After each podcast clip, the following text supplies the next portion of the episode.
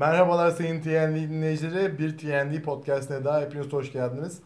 Ben Erdem Uygur, arkadaşım Ulu Kazancıoğlu ile beraber NBA sezon öncesi değerlendirmelerinin dördüncü podcastini çekmekteyiz şu an. İlk üç podcastimizde sırasıyla Atlantic Central ve Southeast Division'larını konuştuk ve Doğu Konferansı'nı bitirdik. Ulucum nasılsın? Bugün Northwest Division'ını konuşacağız. Gerçekten çok kanlı bir e, savaş bekliyor bizi yine. Aynen senin de dediğin gibi geçen sezonun en kanlı division'ı buydu deyim yerindeyse hakikaten. İşte Denver Nuggets son maçta Minnesota'ya yenilerek playoff'ları kıl payı kaçırdı falan. O yüzden bu division yani belki de bu sezonda çekişmenin en yüksek oranda yaşanacağı division olacak. NBA tarihinde hiç 5 takımda bir division'dan playoff'a girdiği oldu mu acaba?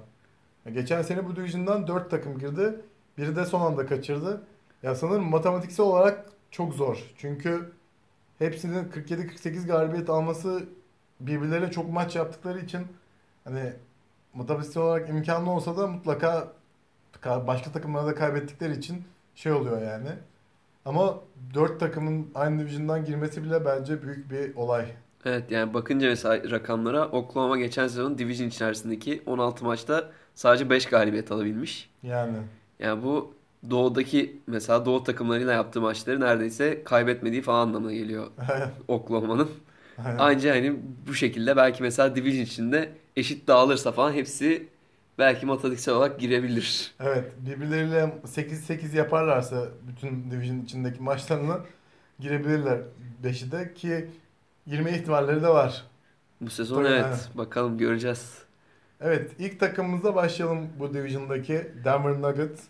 Geçen seneyi 46 galibiyetle tamamladılar. 46 galibiyet, 36 mağlubiyet.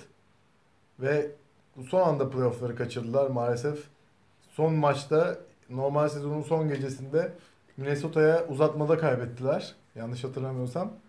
Ve Minnesota playoff'lara girip Houston'a elendi. Denver elenecekti onun yerine. Belki yani, elenmeyebilirdi. Bilemeyiz. Yani, evet ama zor yani. Houston'la ilk roundda yenebilmek. Ama Denver bence daha çok zorlardı. Özellikle Denver'ın Denver'da oynadığı maçlar çok hareketli ve hızlı olduğu için ve takımlar yüksekliğe alışık olmadığı için Denver'ın saha içi avantajı daha iyi olabilirdi iç saha avantajı. Ama yine playoff'ta iki maç üstü olduğu için orada bir bence evet. rakip tarafa bir alışma süresi yine verilmiş oluyor. Aynen. Erkenden gidip iki gün Denver'da geçirmek falan oyuncuların alışması için daha fazla zaman vermek anlamına geliyor. Evet Ulu Denver'ın bu seneki en, bu yazki en önemli hamlesi sence neydi? Ne bekleyebiliriz bu sezon Denver'dan? Yani bu sezon öncelikle takımın önemli parçalarıyla tekrar imzaladılar. İşte Will Barton ve Jokic'le o anlamda çok önemli iki oyuncuyu tutmuş oldular. Ama en önemli hamle şimdi düşünüyorum drafttan Michael Porter'ı çaldılar 14. sıradan. O çok önemli bir hamle. Sakatlığı yüzünden evet. biraz düşmüştü. İşte yazında yaz liginde de kaçırdı sakatlığı yüzünden ama şimdi acısız bir şekilde antrenmanlara başlamaya hazır olduğu konuşuluyor. Ama ben ona birazcık hani en azından ilk sezon için şüpheyle yaklaşacağım. Tabii. O yüzden en önemli hamle olarak Isaiah Thomas'ı kadroya katmalarını görüyorum. Sadece 2.4 milyon gibi bir kontrata bir sezonluk kadroya aldılar onu. Yani bu takım zaten hali hazırda ofansif anlamda çok güçlü bir takımdı. Ama Isaiah Thomas gibi yani Sacramento'da ve Boston'da ne yapabileceğini gördüğümüz bir oyuncu. Geçen sezon yani onun adına sakatlıktan dönüş ve işte Cleveland'daki iç sorunlarda falan çok verimli geçmemişti. Yine erken döndüğünü söyledi. Yani geçen sezon Cleveland'daki ilk maçına erken çıktığı konuşuluyordu. Acele etmiş biraz. Yani yani birazcık o işte takımın kötü gidişatında falan hani herhalde kurtarıcı olarak evet, aynen. gelmek istedi. Ama tam tersi oldu. Baya yani onun oynadığı maçlarda 140, 130, 140 falan yiyorlardı. Aynen. Baya kötüydü ya. Yani Thomas kalsaydı büyük ihtimal ya bilmiyorum playofflarda finale çıkamayabilirlerdi. Ya ama bu sene bence Denver'da onun savunma önündeki defolarını kapatmaya çok elverişli bir takım var Denver'da. İlk 5'i bir sayar mısın bana senin kafandaki? Yani ilk 5 herhalde Gary Harris, Jamal Murray, Will Barton, Paul Millsap ve Jokic 5'i olacak diye düşünüyorum. Çok tatlı bir 5 ya. Yani özellikle guard rotasyonu yani Will Barton tam bir forvet olarak ben görmüyorum. Yani iki buçuktan 3 oynayacak. Will Barton 2 ama. Yani evet. normalde 2 ama Gary Harris ve Jamal Murray çok benzer fiziklerde oldukları için Will Barton'da onların her şeyi switchleyebiliyorlar. Hani ilk 3 numara 3 pozisyonu aynı aslında yani. Üçü de 1 numara, 2 numara veya 3 numarayı tutabiliyor. Aynen. Senin dediğin gibi Barton'ın savunması kuvvetli. Geri Harris zaten savunma yönü çok kuvvetli bir adam. Jamal Murray de o konuda gelişme kaydetti. O yüzden hani bu üçlüden hangi ikisi Isaiah'la beraber oynarsa onun açıklarını kapatabilecek durumdalar. Ve fizikliler de yani. Uzun kollular. Aynen. Özellikle Will Barton çok top çalıyor. İşte burada mesela kritik nokta bence Millsap'in sağlıklı kalması. Geçen sezon sadece 30 küsür maç oynayabildi. Evet. Yani belki 5-10 maç daha oynasa Denver son maça kalmadan playoff'ları garantilemiş bile olabilirdi. Ekstra Millsap'ta alacakları birkaç galibiyetle. Yani takımın zaten lideri Millsap. Yani daha doğrusu abisi diyeyim. Lideri çünkü bence Jokic. Yani Jokic de inanılmaz ekstra bir uzun bence. Yani NBA'de evet diyoruz uzunlar artık yeterince önemli değiller. Rollerini kaybediyor ama Jokic yani üçlük atıyor, dribbling yapıyor, pas veriyor, her şeyi yapıyor neredeyse. Bir tek işin birazcık savunma yönünde kendisini geliştirmesi lazım. Ama o da bence zamanla daha iyi olacak.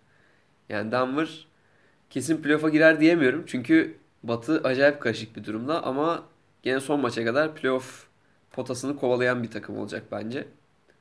İşte bakınca bench'ten Michael Porter'ın getireceği katkı, Trey Lyles'ın getireceği katkılar var. İşte Isaiah Thomas çok önemli bir skor potansiyeli.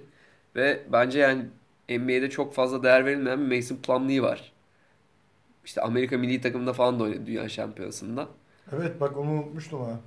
Yani Plumlee evet şutu mutu yok ama çok atletik bir adam. Savunmanın kuvvetli bir adam. Ve bence çok ortalama üstü bir pasör bir uzun için.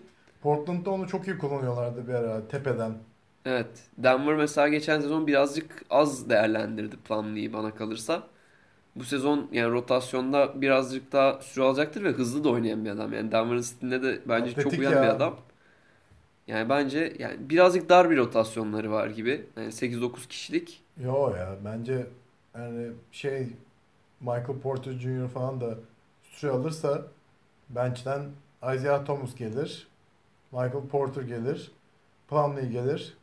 Bir İşte de Trey Lyles ve Juancho var bench'te. Diğerleri Trey Lyles bence çok iyi bir katkı verebilir. Çünkü Utah'ta da beğeniyordum. Geçen sene Denver'da da beğeniyordum. Sadece Daryl Arthur ve Farid yüzünden tam olarak rahat oynayamıyordu. Çünkü sürekli onların baskısı vardı üstünde. Hani işte Arthur ve Farid sürekli gölgesi gölgesindeydi yani. Şimdi daha rahat dakikalar için o kadar savaşmazsa daha da rahat oynayabilir bence. bakalım o da zaten çok genç bir isim yani. Çok gelişme alanı olan bir adam. Yani sezon içerisinde ilerledikçe bu takım neler yapacak göreceğiz. Evet. Bence dediğin gibi Denver bu sene geçen seneye göre daha iyi bir kadroya sahip ve playoff'ları bu sene girecekler. Yani umarım girerler çünkü izlemesi çok keyifli bir takım. Evet, Denver'da oyuncular değişse de Denver'ın kendine has bir stili var. Her zaman izlemesi keyifli bir takım. Yani bilmiyorum Pepsi Center'ın o güzel atmosferinden de kaynaklanıyor olabilir ama böyle her zaman keyifli Denver. Bir sonraki takımımıza geçebiliriz. Bu konferanstaki Minnesota Timberwolves geçen seneyi 47 galibiyetle tamamladılar ve 35 mağlubiyetle Tom Thibodeau'nun önderliğindeki ilk sezonlarında franchise rekoru olan 12 veya 13 senelik playoff kuraklığını bozdular. NBA'in yani en uzun süreli playoff'a giremeyen takımıydı. Şu an sanırım Sacramento. Galiba evet Ee, Sacramento olması lazım. 2004-2005'te girdi en son Kevin Martin'li dönemde. Ray Allen'la Seattle elendikleri seneden sonra bir daha giremediler. O yüzden Minnesota böyle bir kötü rekordan da kurtulmuş oldu. Minnesota kadro bakımından iyi gözükse de kağıt üstünde yani takım içinde problemler var. Belli yani zaten. Andrew Wiggins'in çalışma etiği işte Carl Anthony Towns'un playofflarda çok düşmesi, Jimmy Butler'ın egosu derken Tom Thibodeau'nun eski tarz koçluğu yani bu takım potansiyelini tam olarak yansıtamıyor sahaya. Yani dediğin gibi özellikle Andrew Wiggins'in savunma tarafındaki tembelliği mi diyelim, yetersizliği mi diyelim tam bilmiyorum. Bence Jim Butler'ı çıldırtıyor zaten. Keza Karl Anthony Towns'un da bence savunma yönünde beklenen gelişmeyi göstermemesi o da Jim Butler'ı birazcık terse düşürdü. Hani buraya gelirken Jim Butler ben çok yetenekli gençlerle çalışacağım diye geldi. Evet. Yani Ama pek Wiggins aradığını ve- bulamadı. Wiggins ve Cat olmasa sırf Thibodeau için gelmezdi yani. Aynen. Yani bakınca playofflarda bu takım Houston'a elenirken takım herhalde en verimli oynayan adamı Derrick Rose'du yani. Ne kadar Son açıkçası maçta katılan ve sakatlıklardan artık neredeyse kariyeri bitmek üzere olan psikolojik olarak da sorunlu olan bir oyuncu yani. Derrick Rose artık bir All-Star veya Superstar değil yani. Bakalım bu sezon yani full sezon Minnesota ile beraber olacak. Belki daha verimli olabilir ama yani alınabilecek verim Bence Sınırlı. Rose'dan 12-13 sayıdan fazlasını beklemek biraz hayal olur. evet yani Jamal Crawford da şu an hala free agent durumda. Hani Minnesota'ya muhtemelen dönmeyecek. Yok bence dönmesin ya. Onun- Minnesota Crawford'sız daha iyi. Yani onun açıkta bıraktığı süreleri herhalde Derrick Rose alır. Evet. İlk 5 yine değişmez herhalde. Jeff Teague, Jimmy Butler, Andrew Wiggins, Taj Gibson ve Cat kalır diye düşünüyorum. Ben de çok yani Yedekten kimler gelir sence? Rose, Yani- Deng, Deng. bakınca sakatlık olmazsa zaten ilk 5 bütün sezonu Evet. götürecektir. Ya aslında benchleri fena bir bench değil. Çaylaklarını sen beğeniyordun. Evet. Hem Çaylak- Josh Okogie hem Keita Bates Diop bence süre almaya hazır çaylaklar. İşte Keita Bates Diop zaten 4 senenin ardından geldi. Josh Okogie de işte hem hazırlık kampında falan şimdi kendi idmanlarında güzel izlenimler veriyormuş. Abi ikisi de azman ya. Keita Bates Diop özellikle inanılmaz kalın duruyor yani. İşte James Nunnally'ı aldılar. Ne Evet. kadar süre alacağını pek öngöremesem de Bence iş yapabilir ya. Yani biraz savunmada ağır kalabilir ama yani tecrübeli bir oyuncu çok. Evet. E, Bielitsa'nın yerine Anthony Tolliver'la doldurdular. Tolliver da yani NBA'in en çalışkan görev adamı falan olabilir. Güvenilir bir oyuncu. Aynen. Yani her maç işte 17-18 dakika oynayıp 7 sayı 3.5 rebound falan yapabilecek bir adam. Bir tane de üçlüğünü sokar. Son çeyreklerde o son çeyreklerin başında bench ünitesinin oynadığı zamanlarda da kritik 2-3 üçlük atıp maçın döndürebiliyor. İşte burada bence Minnesota'nın en büyük problemi gençleri ne yapacak? Yani ben hala Wiggins'i takas etmeye uğraştıklarını düşünüyorum. Bence de Ama- etmeliler. Pek bir alıcı bulabileceklerini zannetmiyorum. Yani mesela Chicago alır desem Lavin'le Parker ikilisine yatırım yapmayı tercih ettiler. Atlanta'ya gitse Trey Young'la mesela iyi bir ikili olur mu? Zor. Savunmada çok berbat bir ikili olur. Evet. Zaten Trae Young undersized bir oyuncu. Wiggins de tembel. Yani o yüzden çok öyle kolay kolay alıcı bulabileceklerini zannetmiyorum Wiggins'e. Bu sezonda böyle götüreceklerdir. Bench'te benim sevdiğim Tyus Jones var ama o da fizik olarak biraz Evet. NBA standartlarının altında. O da tam tutunamadı yani. Bazen ama geçen sene bazı maçlarda iyi parladı. Evet Yani- zaman zaman şey oluyor onun da. Yani bence en büyük Hangi- nokta Minnesota adına bu sezon Keita Bates ve Okogi'yi bir şekilde rotasyona dahil edip onlardan 3-5 verim ne alabiliyorlarsa Thibodeau'nun alması gerekiyor. Yani zaten dar rotasyonla oynayan bir koç ve çaylaklara çok süre vermeyen bir koç. Elinde de şu an oyuncu çok fazla yok. Yani çaylaklara süre vermeye eli mahkum. Evet. Yani çünkü Cat ofansif anlamda bence geçen sezon hani hakikaten çok iyi bir sezon geçirdi. Daha üstüne ne kadar çıkabilir bilmiyorum. Çıkamaz abi yani. Çok fazla 30'unu sanmam. atacak maç başına. Evet. İşte yani Jimmy Butler evet bir sezon boyunca bu takımla oynadı. Daha oturdu herhalde diyeceğim ama Wiggins'le kavgalı. Yani ne kadar verim verecek bilmiyorum. İşte Jeff Teague geçen sezon hiç verimli değildi bence.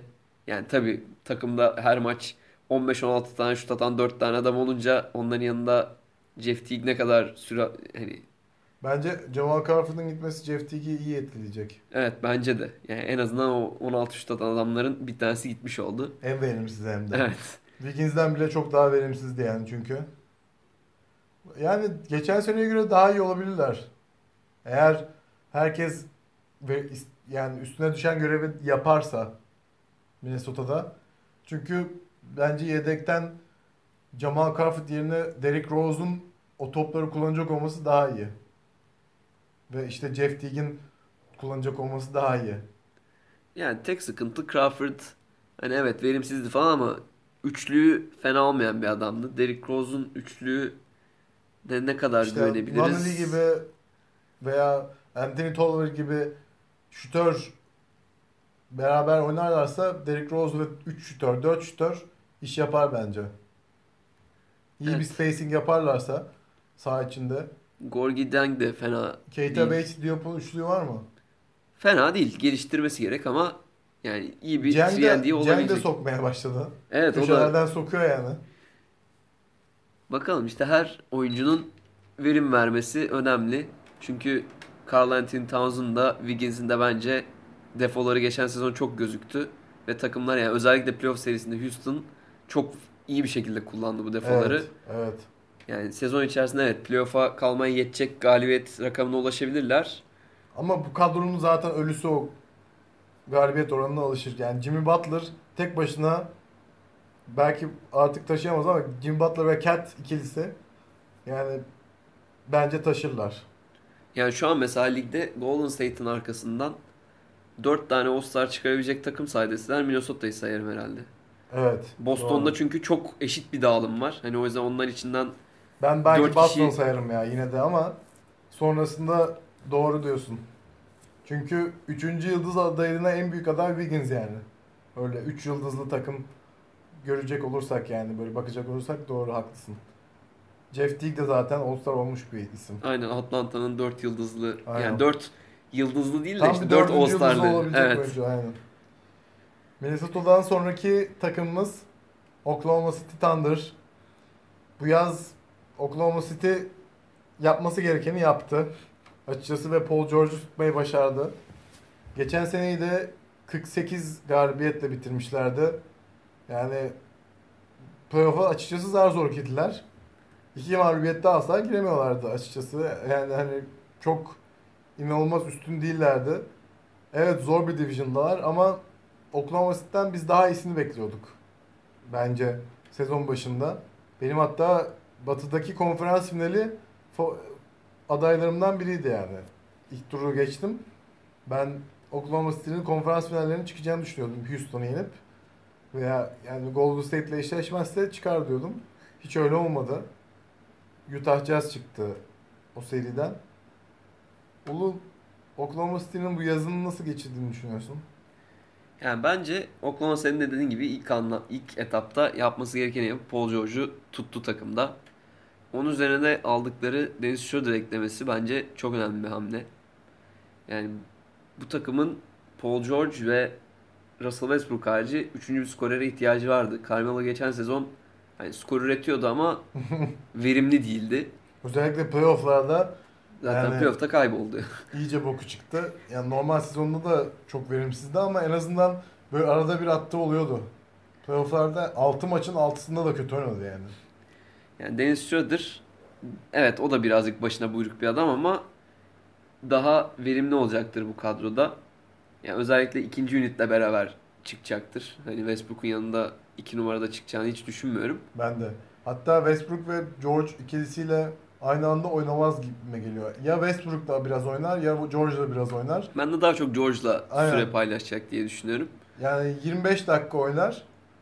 10 dakikasında hem George hem Westbrook olmaz. 15 dakikasında da ya Westbrook ya George olur. Onu Billy Donovan'ın ayarlaması lazım. Belki maçları bitirir ikilisiyle, ikisiyle. Evet o olabilir. Yani mesela Andre Robertson geçen sezonun çoğunu sakat geçirdiği için o yani rotasyonun önemli bir parçası olacakken onu kaybetmişlerdi. Bu sezonun sağlıklı dönmesi takımın savunması adına da çok önemli. İşte Nerlens Noel eklemesi geldi pot altına. Steven Adams'ın arkasında fena olmayan bir uzunları oldu en azından. Yani Nerlens Noel'e hep böyle şans verilmiyor, verilmiyor, verilmiyor deniyor. Ama ben ya Nerlens Noel'e şans verildiğini düşünüyorum. Ya bence Ya oyuncunun kendisinde de bitiyor. Bu kadar şans verilirse ve hala Dallas Mavericks'te falan saçma sapan sorunlar yaşıyorsa oyuncunun kendi kafasında da bazı problemler vardır yani. ya ben hem katılıyorum hem katılmıyorum buna. Son şansı bence. O doğru. Ama yani Noel'e mesela bence Philadelphia'da bir dönem hakikaten şans verildi. İyi kullandı bir süre. Sonra birazcık düştü. Ama mesela takas ol hani takas edilmeden önceki dönemde Philadelphia'da şans verildiğini düşünmüyorum. Doğru. Dallas'ta bir dönem hakikaten iyiydi. Sonra ama kendi kafasına göre kendine çok yüksek bir değer biçip o Yani aşırı evet. kontrat kapmaya çalıştı. Evet. Orada mesela bence Kötü menajerlik. evet. Yani bu sezon Oklahoma ile iki sezonluk imzaladı. İkinci senesi takım opsiyon falan olabilir. Ondan tam emin değilim. Takım opsiyonlu. Yani bu sezon göstereceği performansla bu takım adına önemli bir parça olabilir. İşte Doğru. Jeremy Grant'i tuttular takımda. Grant de savunma yönüyle bu takıma çok önemli katkı veriyor. Oklahoma City'nin ilk beşini tahmin edemiyorum ama sen bana bir şeyler söyle ben de sana ekleme yapayım o zaman.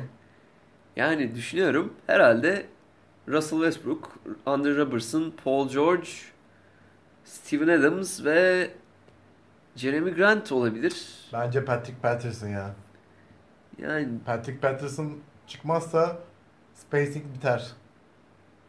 evet yani Jeremy Grant'e göre daha iyi bir şut tehdidi var Yok Patterson'ın. Patrick Patterson. Hatta şöyle söyleyeyim Melo'ya göre çok daha iyi bir 5. Melo 5'ten daha iyi 5 çünkü Patrick Patterson Westbrook ve George'a biraz daha özgürlük tanır.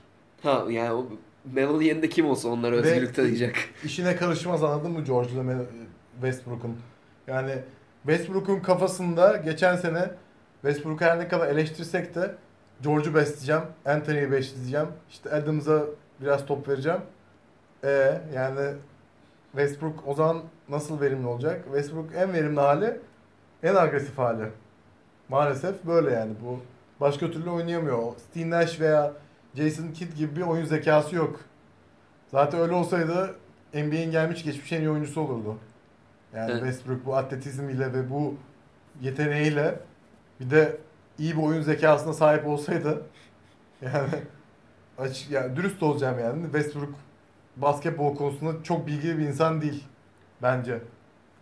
Yani Westbrook'un en iyi yaptığı şey potaya saldırmak. Evet yani. Yani oyunu açayım şuradan bir şeyler yapayım değil. Taktik maktik yok bam bam bam gidiyor yani. Evet aynen öyle. Böyle tam sağa gidip böyle herkese omuz atıp bitiriyor falan. Ve hani iyi, iyi yapıyor onları yani. Veya böyle üçlünün üç adım gerisinden el üstü sokuyor falan. Westbrook öyle bir adam. Ve onu öyle kabul ediyorsun. İşte asist zorluyor. İyi yaptığı şeylerden biri mesela üçlükleri iyi buluyor. Yani hani şütörlerini bulabiliyor. Patterson da %37 %38 de atan bir adam. Hani iyi pozisyon gelirse bu sene %42 ile falan bile atabilir. Yani, Çünkü şut stili falan da güzel ben beğeniyorum yani. evet, yani Jeremy Grant'in şutunu geliştirmesi gerekiyor konuda. Ya Geçen evet, sezon yok. düşük atmış. %32 ile falan atmış. Ama yani savunma yönünden mesela Grant Patterson'a göre hem 3'ü hem 4'ü savunabilecek bir Ya adam. Bir tık maçın- daha hızlı kaldığı için. Maçı Grant bitirir. Evet, evet. Yani tamam. Olabilir. Ama Patterson'la başlamaları lazım bence. Bench'ten de Schroeder'lı işte geçen senenin çaylağı Ferguson, İşte Abrines türü olabilir. Abrines ben güvenmiyorum artık yani. Raymond Felton playofflarda Raymond sorumlu kalıyordu. Raymond Felton artık oynamasın ya. Raymond Felton'un süre aldığı bir takım yani iyi olamaz bence. Ee, dediğimiz gibi Noel. İşte Luvavu Kaboro ve Abdelnader'i takaslarla kadroya kattılar. Yani bilmiyorum. Bench'te yeterince şut yok ya. O yüzden Abrines oynayabilir belki. Çünkü Schroeder en iyi şutör olabilir bench'ten gelen oyuncular arasında ki Schroeder de %34 ile falan üçlük atan bir oyuncu. İşte evet orada Abrines'e birazcık güvenmek zorundalar. Evet. Yani iyi bir şutör almaları bence lazım. Bilmiyorum Free Agency'de kaldı mı kimse ama Yani Free Agency'de kaldıysa da pek kadro yerleri Aynen. yok zaten. mesela Wayne Ellington alsalar çok iyi olurdu ya. Ona da sanırım mid-level exception'ları yoktu verebilecek. Evet, yok, yok, 5 aynen. milyon gibi bir şey imzaladı diye biliyorum Wayne Ellington. 6 ay imzaladı. 2 senelik 12 imzaladı. Veremezlerdi. Doğru. Yani zaten Westbrook'a ve George'a verdikleri para takım Takımın- parasının %65-70'ini götürdüğü için. E, Adams'a da iyi bir para veriyorlar. Evet tabii ki. Evet hakikaten hiçbir şey kalmıyor. Robertson iyileşirse ama tam olarak %100 dönerse Oklahoma City bence ilk 4 o yapar yani bu sene. Bilmiyorum ya. Schroeder ve Evet. Robertson geliyor. Melo gidiyor. Yani kesinlikle daha iyi bir seçenek ve bence Westbrook 2'ye kayar, Schroeder 1 oynar. Westbrook ikileri savunabilecek fizikte çünkü. Maçları Schroeder, Melo, George, e, Westbrook, George, Robertson ve Adams bitirir. Paul George'u 4 oynattın. Veya Robertson'ı. Ya Robertson'ın işte ofansif yöndeki Çok, zayıflıkları çok, çok, yani sırıtıyor nasıl ya. böyle bir üçlük stili ve şut stiline sahip bir oyuncu anlamıyorum yani. Abi bir iki numara böyle %40'la falan faal atıyor abi bu yani Şaka gibi. evet. Gerçekten yani sokakta bir insanla aynı seviyede falan. Ve bu adam 10 milyon dolar falan kazanıyor yıllık. Yani direkt gelin beni Hacker Robertson yapın diyor adam ya. Evet. Ya NBA'de bu kadar süre bulması bile ve bu kadar şans bulması bile ne kadar değerli bir savunmacı olduğunu gösteriyor. ya. Demek ki rakamlar yalan söylemiyor ki geçen sene de Robertson'ın ne kadar sıkıntı çektiklerini gördük Oklahoma City'nin. Savunmada direkt bittiler yani. Golden State'i falan durduruyorlardı. Ve bir anda bittiler. Utah Jazz'e yenildiler yani. Westbrook'un da artık biraz daha düzgün oynaması lazım ama. Pek sanmıyorum ya. Bu Onun, dağınıklığı yani yoksa şampiyon olamayacak hiçbir zaman. ya ben Westbrook'un hiçbir zaman kendini değiştireceğini zannetmiyorum ya. Bence, ben de. George'un Lakers'a gitmesi konuşuluyordu ama Oklahoma City'de kaldı sürpriz bir şekilde. Bu konuda ne diyorsun? Lakers'la görüşme bile yapmamış. Evet o da çok ilginç yani. Indiana'dan ayrılırken bile hani bir sonraki sene kesin Lakers'a gidecek falan diye hani karşında ne alırsak kardır diye gönderdiler. Ve bu sezon böyle bir şey yaptı. Yani Lakers, açıklamasında Lakers beni sinirlendirdi demiş ama tam nedenini de ben anlamadım açıkçası. Yani bakalım Kesin- Westbrook'la ne kadar mutlu göreceğiz. Arka planda neler olup bittiğini hiç bilemeyiz ya. Gerçekten bizim konuşmalarımızın hepsi üstün körü ve dedikodulardan ibaret. Yani böyle büyük paraların döndüğü bir endüstride arka planda o kadar fazla bilmediğimiz gelişme yaşanıyor ki. Belki hakikaten Westbrook'la George takım yani sağ dışında acayip kanka falanlardır bizim Evet görmediğimiz bir şekilde. Evet. Veya George Lakers'da olmanın verdiği baskıyı istemiyordur. Yani Oklahoma City'de ne olursa olsun küçük bir şehir olduğu için daha az baskı var, daha az basın var. Yine aynı parasını kazanacak yani. Belki reklamlardan falan Lakers'da olsa daha fazla para kazanır ama yani bu tarz para kazanan oyuncuların öyle bir ekstra paraya da artık ihtiyacı olmuyor. Evet, bu konferans, bu division'daki dördüncü takımımıza geçiyoruz. Portland Trail Blazers. Geçen sene Batı'yı 53 galibiyetle 49 galibiyetle 3. sırada bitirdiler. Ki yani dediğimiz gibi 46 galibiyetli Denver 9. sırada playoff dışında kaldı. O yüzden hani Blazers'la playoff dışında kalma arasında 3 maç vardı. Bakacak olursak çok da büyük bir fark yok ama yine de böyle Batı 3. sırada bitirebildiler. Ama maalesef Pelicans tarafından süpürüldüler. İlk roundda. Ulu Trailblazers'ın yaz sezonu nasıl geçti? Vallahi bana kalırsa bayağı kötü geçti. Yani Batı'nın güç kazanmayan ekiplerinden bir tanesiler bence. Evet. Yani Yusuf Nurkic'i 4 sene 48 gibi aslında hani düşük sayılabilecek bir şeye bağladılar. Evet. Ama yani takımı geliştirmeye yönelik neredeyse hiçbir hamleleri olmadı. Bir Seth Curry geldi. Bir de Nick Stauskas geldi. Yani çaylakları Gary Trent Jr. ve Anthony Simmons'ın pek süre alacağını en azından ilk senelerinden Stauskas zannetmiyorum. yani hiçbir zaman böyle bilmiyorum Jimmer Fredette falan benziyor biraz. Ya işte Philadelphia'da o tam tanking dönemlerinde süre Evet. bulup değerlendirmişti. Ama yani çok benzer adamlar var Portland'da. İşte bench'e bakınca Jake Layman, Stauskas, Seth Curry. Seth Jake Layman birazcık daha atletik bunlardan. Seth Curry'i yani. tercih ederim yani. Seth Curry'e bakalım geçen sezonu full kaçırdıktan sonra şimdi tekrardan kendisini bulmaya çalışacak. Yani ilk beşleri onların da ilk beşleri değişmeyecek. Gene Lillard, McCollum, Al Farouk Aminu, Harkless, Nurkic beşlisi devam edecek. Evan Turner bench'ten en iyi silahları. Ya bu 5 bilmiyorum ya. Bir şeylerin değişmesi lazım. Al Faruk veya Harkless'tan birinin yerine daha yaratıcı bir adamın gelmesi lazım bence. İşte öyle bir şey için de Lillard veya McCollum'dan birinden vazgeçip takasla bir şeyler almaları gerekiyor. Evet. Çünkü yani Lillard ve McCollum'a iyi bir para ödüyorlar. Nurkic 12 alıyor. Evan Turner keza güzel bir parasını alıyor. Yani ne kadar El Faruk Amin ve Harkless'ın kontratları mantıklı seviyelerdeyse Evan Turning'ki de o kadar mantıksız bir seviyede yüksek. Evan Turner onları bitirdi açıkçası. Yani Alan Crabb'i de göndermeseler çok daha kötü olacaktı işler. Yani bakınca bu sezon mesela bence playoff dışında kalmaya aday bir takım. Evet bence 9. de. sıradan falan. Yani o son maçta kaçıran takım bu sezon Portland olabilir. Yani Zach Collins ve Maris Leonard da bana çok ışık vermiyor açıkçası. Zach Collins hatta daha çok ışık, ışık veriyor. Yani Yaz evet. liginde falan da fena gözükmedi. Yaz ligini kazandılar bu arada. Yani Wade Baldwin inanılmaz bir katkı verdi. Bence o da kontrat kapacak. Ya o şimdilik kontrat kapmış durumda ama tabii ki sezon başlayana kadar Pardon süre kapacak yani. Heh. Seth Curry ile ol- oynayabilirler bench'ten. bakın ya Wade Baldwin de birazcık lig standartlarında çelimsiz bir adam gibi ama yani Seth Curry de öyle. Yani Curry'nin en azından bence çok güvenilir bir şutu var. Evet. Wade Baldwin'in biraz şutu da istikrarsız. Abi işte Evan Turner mesela şutu bir tık daha iyi olsa hakikaten verimli bir parça oluyor ama o kadar kötü ki şutu. Evet ya. Ya, ya orta mesafe sokabiliyor. Hatta iyi sokuyor. Yani yakın orta mesafeleri çok iyi sokuyor ama gerçekten kötü bir şutör pozisyonuna göre. Portland'ın peki 4-0'lık mağlubiyeti hakkında ne düşünüyorsun?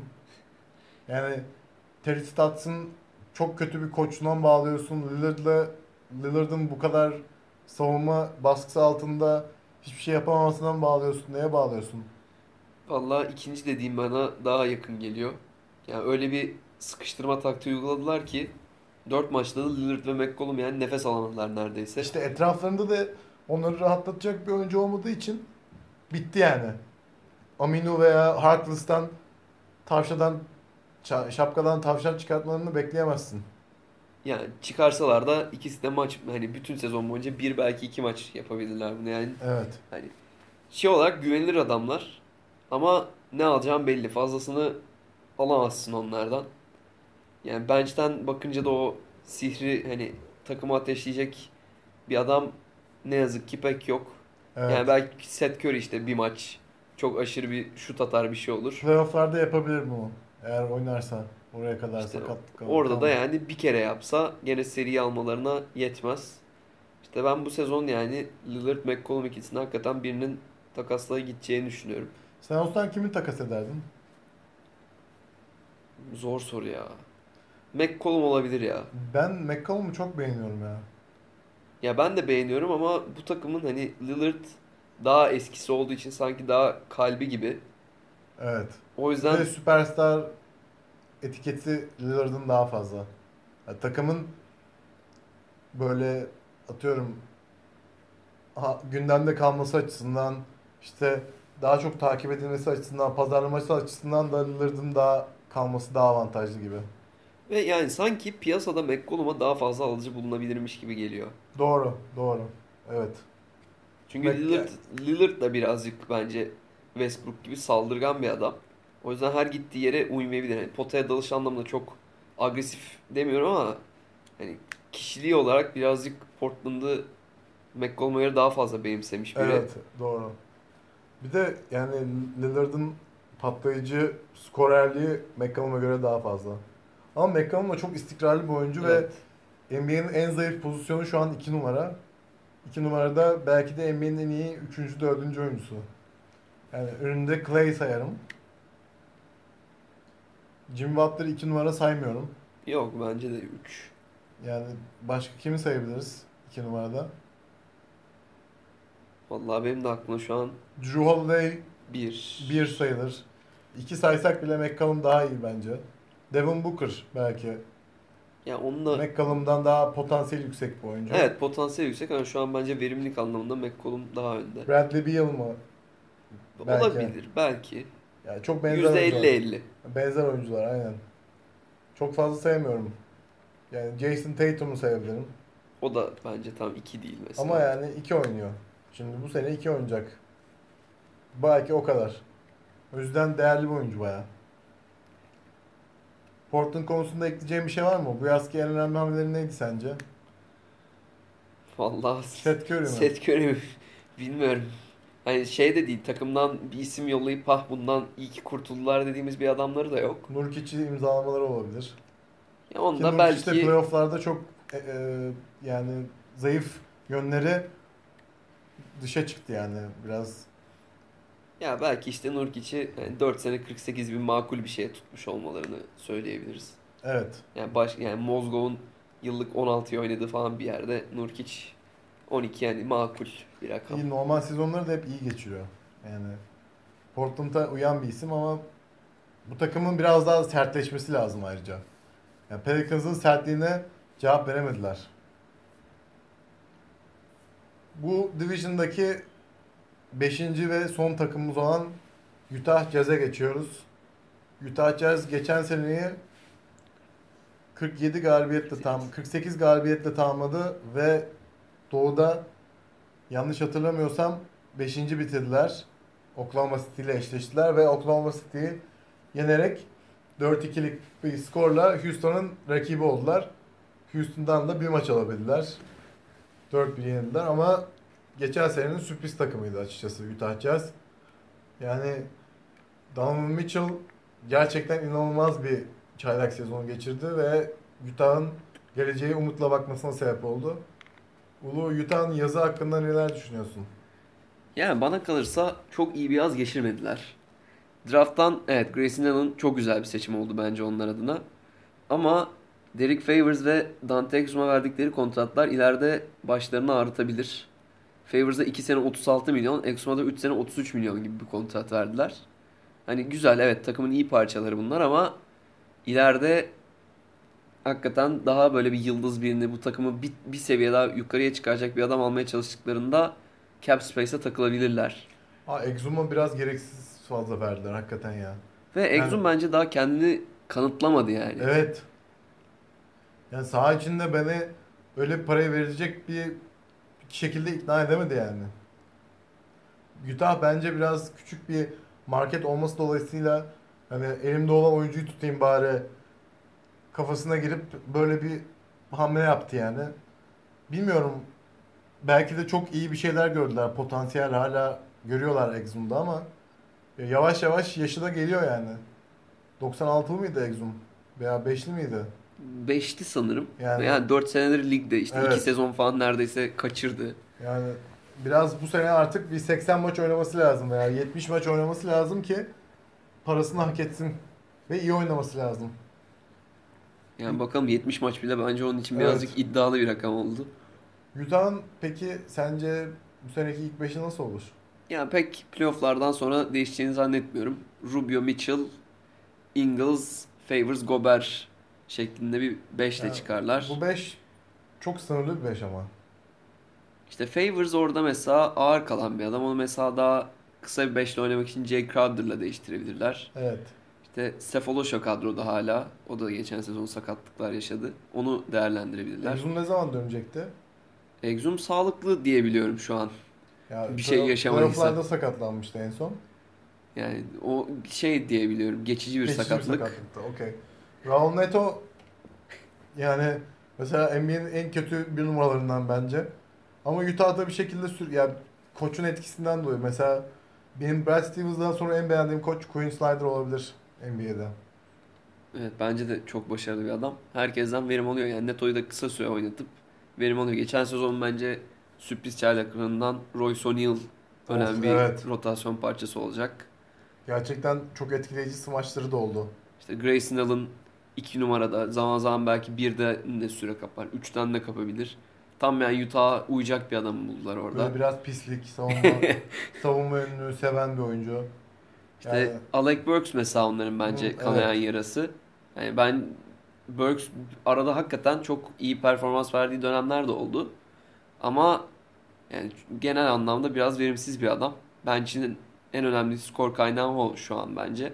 Yani Grayson Allen'ı ayrı tutuyorum çaylak olduğu için. Yani uzun vadede Allen ilk 5'e bile çıkabilecek bir oyuncu. İşte Crowder bench'ten çok önemli bir enerji olacak. Zaman zaman ilk 5 bile çıkabilir. Ama bakınca bir tık sınırlı bir takım gibi sanki yapabilecekleri. Donovan Mitchell'ın yaratıcılığına sınırlılar. çok bakıyor gibi. hücum hücumda sınırlar, savunmada belki de NBA'nin en iyi takımı olabilir seneye. Hem- Ki- yani bayağı boğucu bir takım olurlar. Ki yani. elleri mecbur. Yani böyle bir hücum potansiyeliyle savunmada kompanse etmeleri lazım. Abi zaten bir kere Gober var pota altında. Evet. Çok iyi NBA'nin bir en iyi savunmacı. savunmacısı pota altında. Ingles çok yani millete bezdiren bir adam. Çok uzun kollu şey bir adam. Ve çok da iyi bir şutör.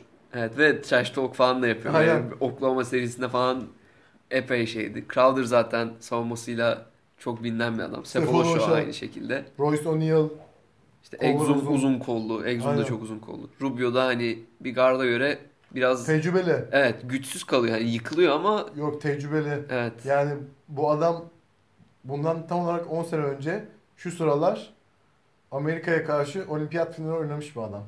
Yani Rubio 10 senedir piyasalarda. 10 senedir inanılmaz fazla maça çıkıyor ve yani sürekli tecrübeler akümüle ede de hani onun savunma bilgisinin geçmesine sebep oluyor. 17 yaşında düşün 91'li Rubio 17 yaşında olimpiyat finali oynadı. Ve yani kötü de oynamadı çok. Gerçekten o yüzden Utah'ın bu sene de playoff'u yapması bence yüksek bir ihtimal. İşte bakalım her şeyin çok tıkırında gitmesi. Yine Gober abuk subuk bir rakamla maç kaçırırsa mesela az kalsın geçen sezon. Evet. O yüzden playoff yapamıyorlardı. Kimse Sağlıklı playoff kalmaları. yapmalarını da beklemiyordu. Donovan Mitchell'a ayrı bir parantez açalım. Yani gerçekten NBA'in geleceği için en önemli yıldız adaylarından biri. Bazen highlightlarını izliyorum ve o içeriden bitirdiği turnikeleri nasıl bitiriyor şaşırıyorum yani. İnanılmaz bir atletizm. Ya valla sırf geçen sezon değil böyle son 7-8 senenin falan en büyük sürprizlerinden biri bence. Evet. Ya hiç böyle bir şey beklenmiyordu herhalde. Kimse beklemiyordu. Bir anda yani bench oyuncusu, hani bench'ten katkı veren çaylakken yılın en iyi çaylağı olur mu olmaz mı tartışmasına girdi. Playoff'larda takımını taşıdı. Ve Jordan'dan sonra en yüksek çaylak ortalaması falan tarz bir şeyleri de yaptı. Ya hakikaten bakalım Utah dediğin gibi küçük bir market. Bir iki sene sonra ellerinde tutabilecekler mi? Çok önemli. Ya da tutarlarsa ne kadar para verecekler? Hani yan parça toplamak adına. Göreceğiz. İleride yani Utah'ın bu kadrosuyla hani bir şampiyonluk görebileceğini ben şey yapmıyorum ama Mitchell da ateşli bir adam. Yani şey Mitchell gibi peşin- bir- başarı peşinde koşuyor. Mitchell gibi bir oyuncu daha bulabilirlerse neden olmasın? İşte onun için de draftta mesela daha hani lottery pick olmaları falan gerekir ki hani bir yerden o yıldızı bulsunlar. Ekpe Yudo sence süre alır mı? Ya geçen sezon işte maç başına 10 dakika falan oynuyordu. Ondan fazlasını pek göreceğini zannetmiyorum. Evet, biraz da zaten sınırlı bir oyuncu NBA için. Yani hücumda çok sınırlı bir adam. Yani Euroleague'de yine iş yapıyordu. Biraz 10 sayı falan atıyordu maç başına yanlış hatırlamıyorsam ama NBA'de iyice ortalamaları düştü. Ama akıllı ve zekasıyla iyi ve iyi pozisyon bilgisiyle bence Utah için ideal bir oyuncu.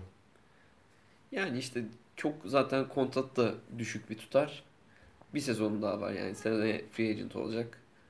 İyi bir yan parça yani İyi bir 11. oyuncu bence. evet yani Fenerbahçe'de hakikaten takımın merkeziydi işte pas Yıldız, dağıtıyordu bloklarıyla hani hem savunmayı hem taraftarı falan ateşliyordu.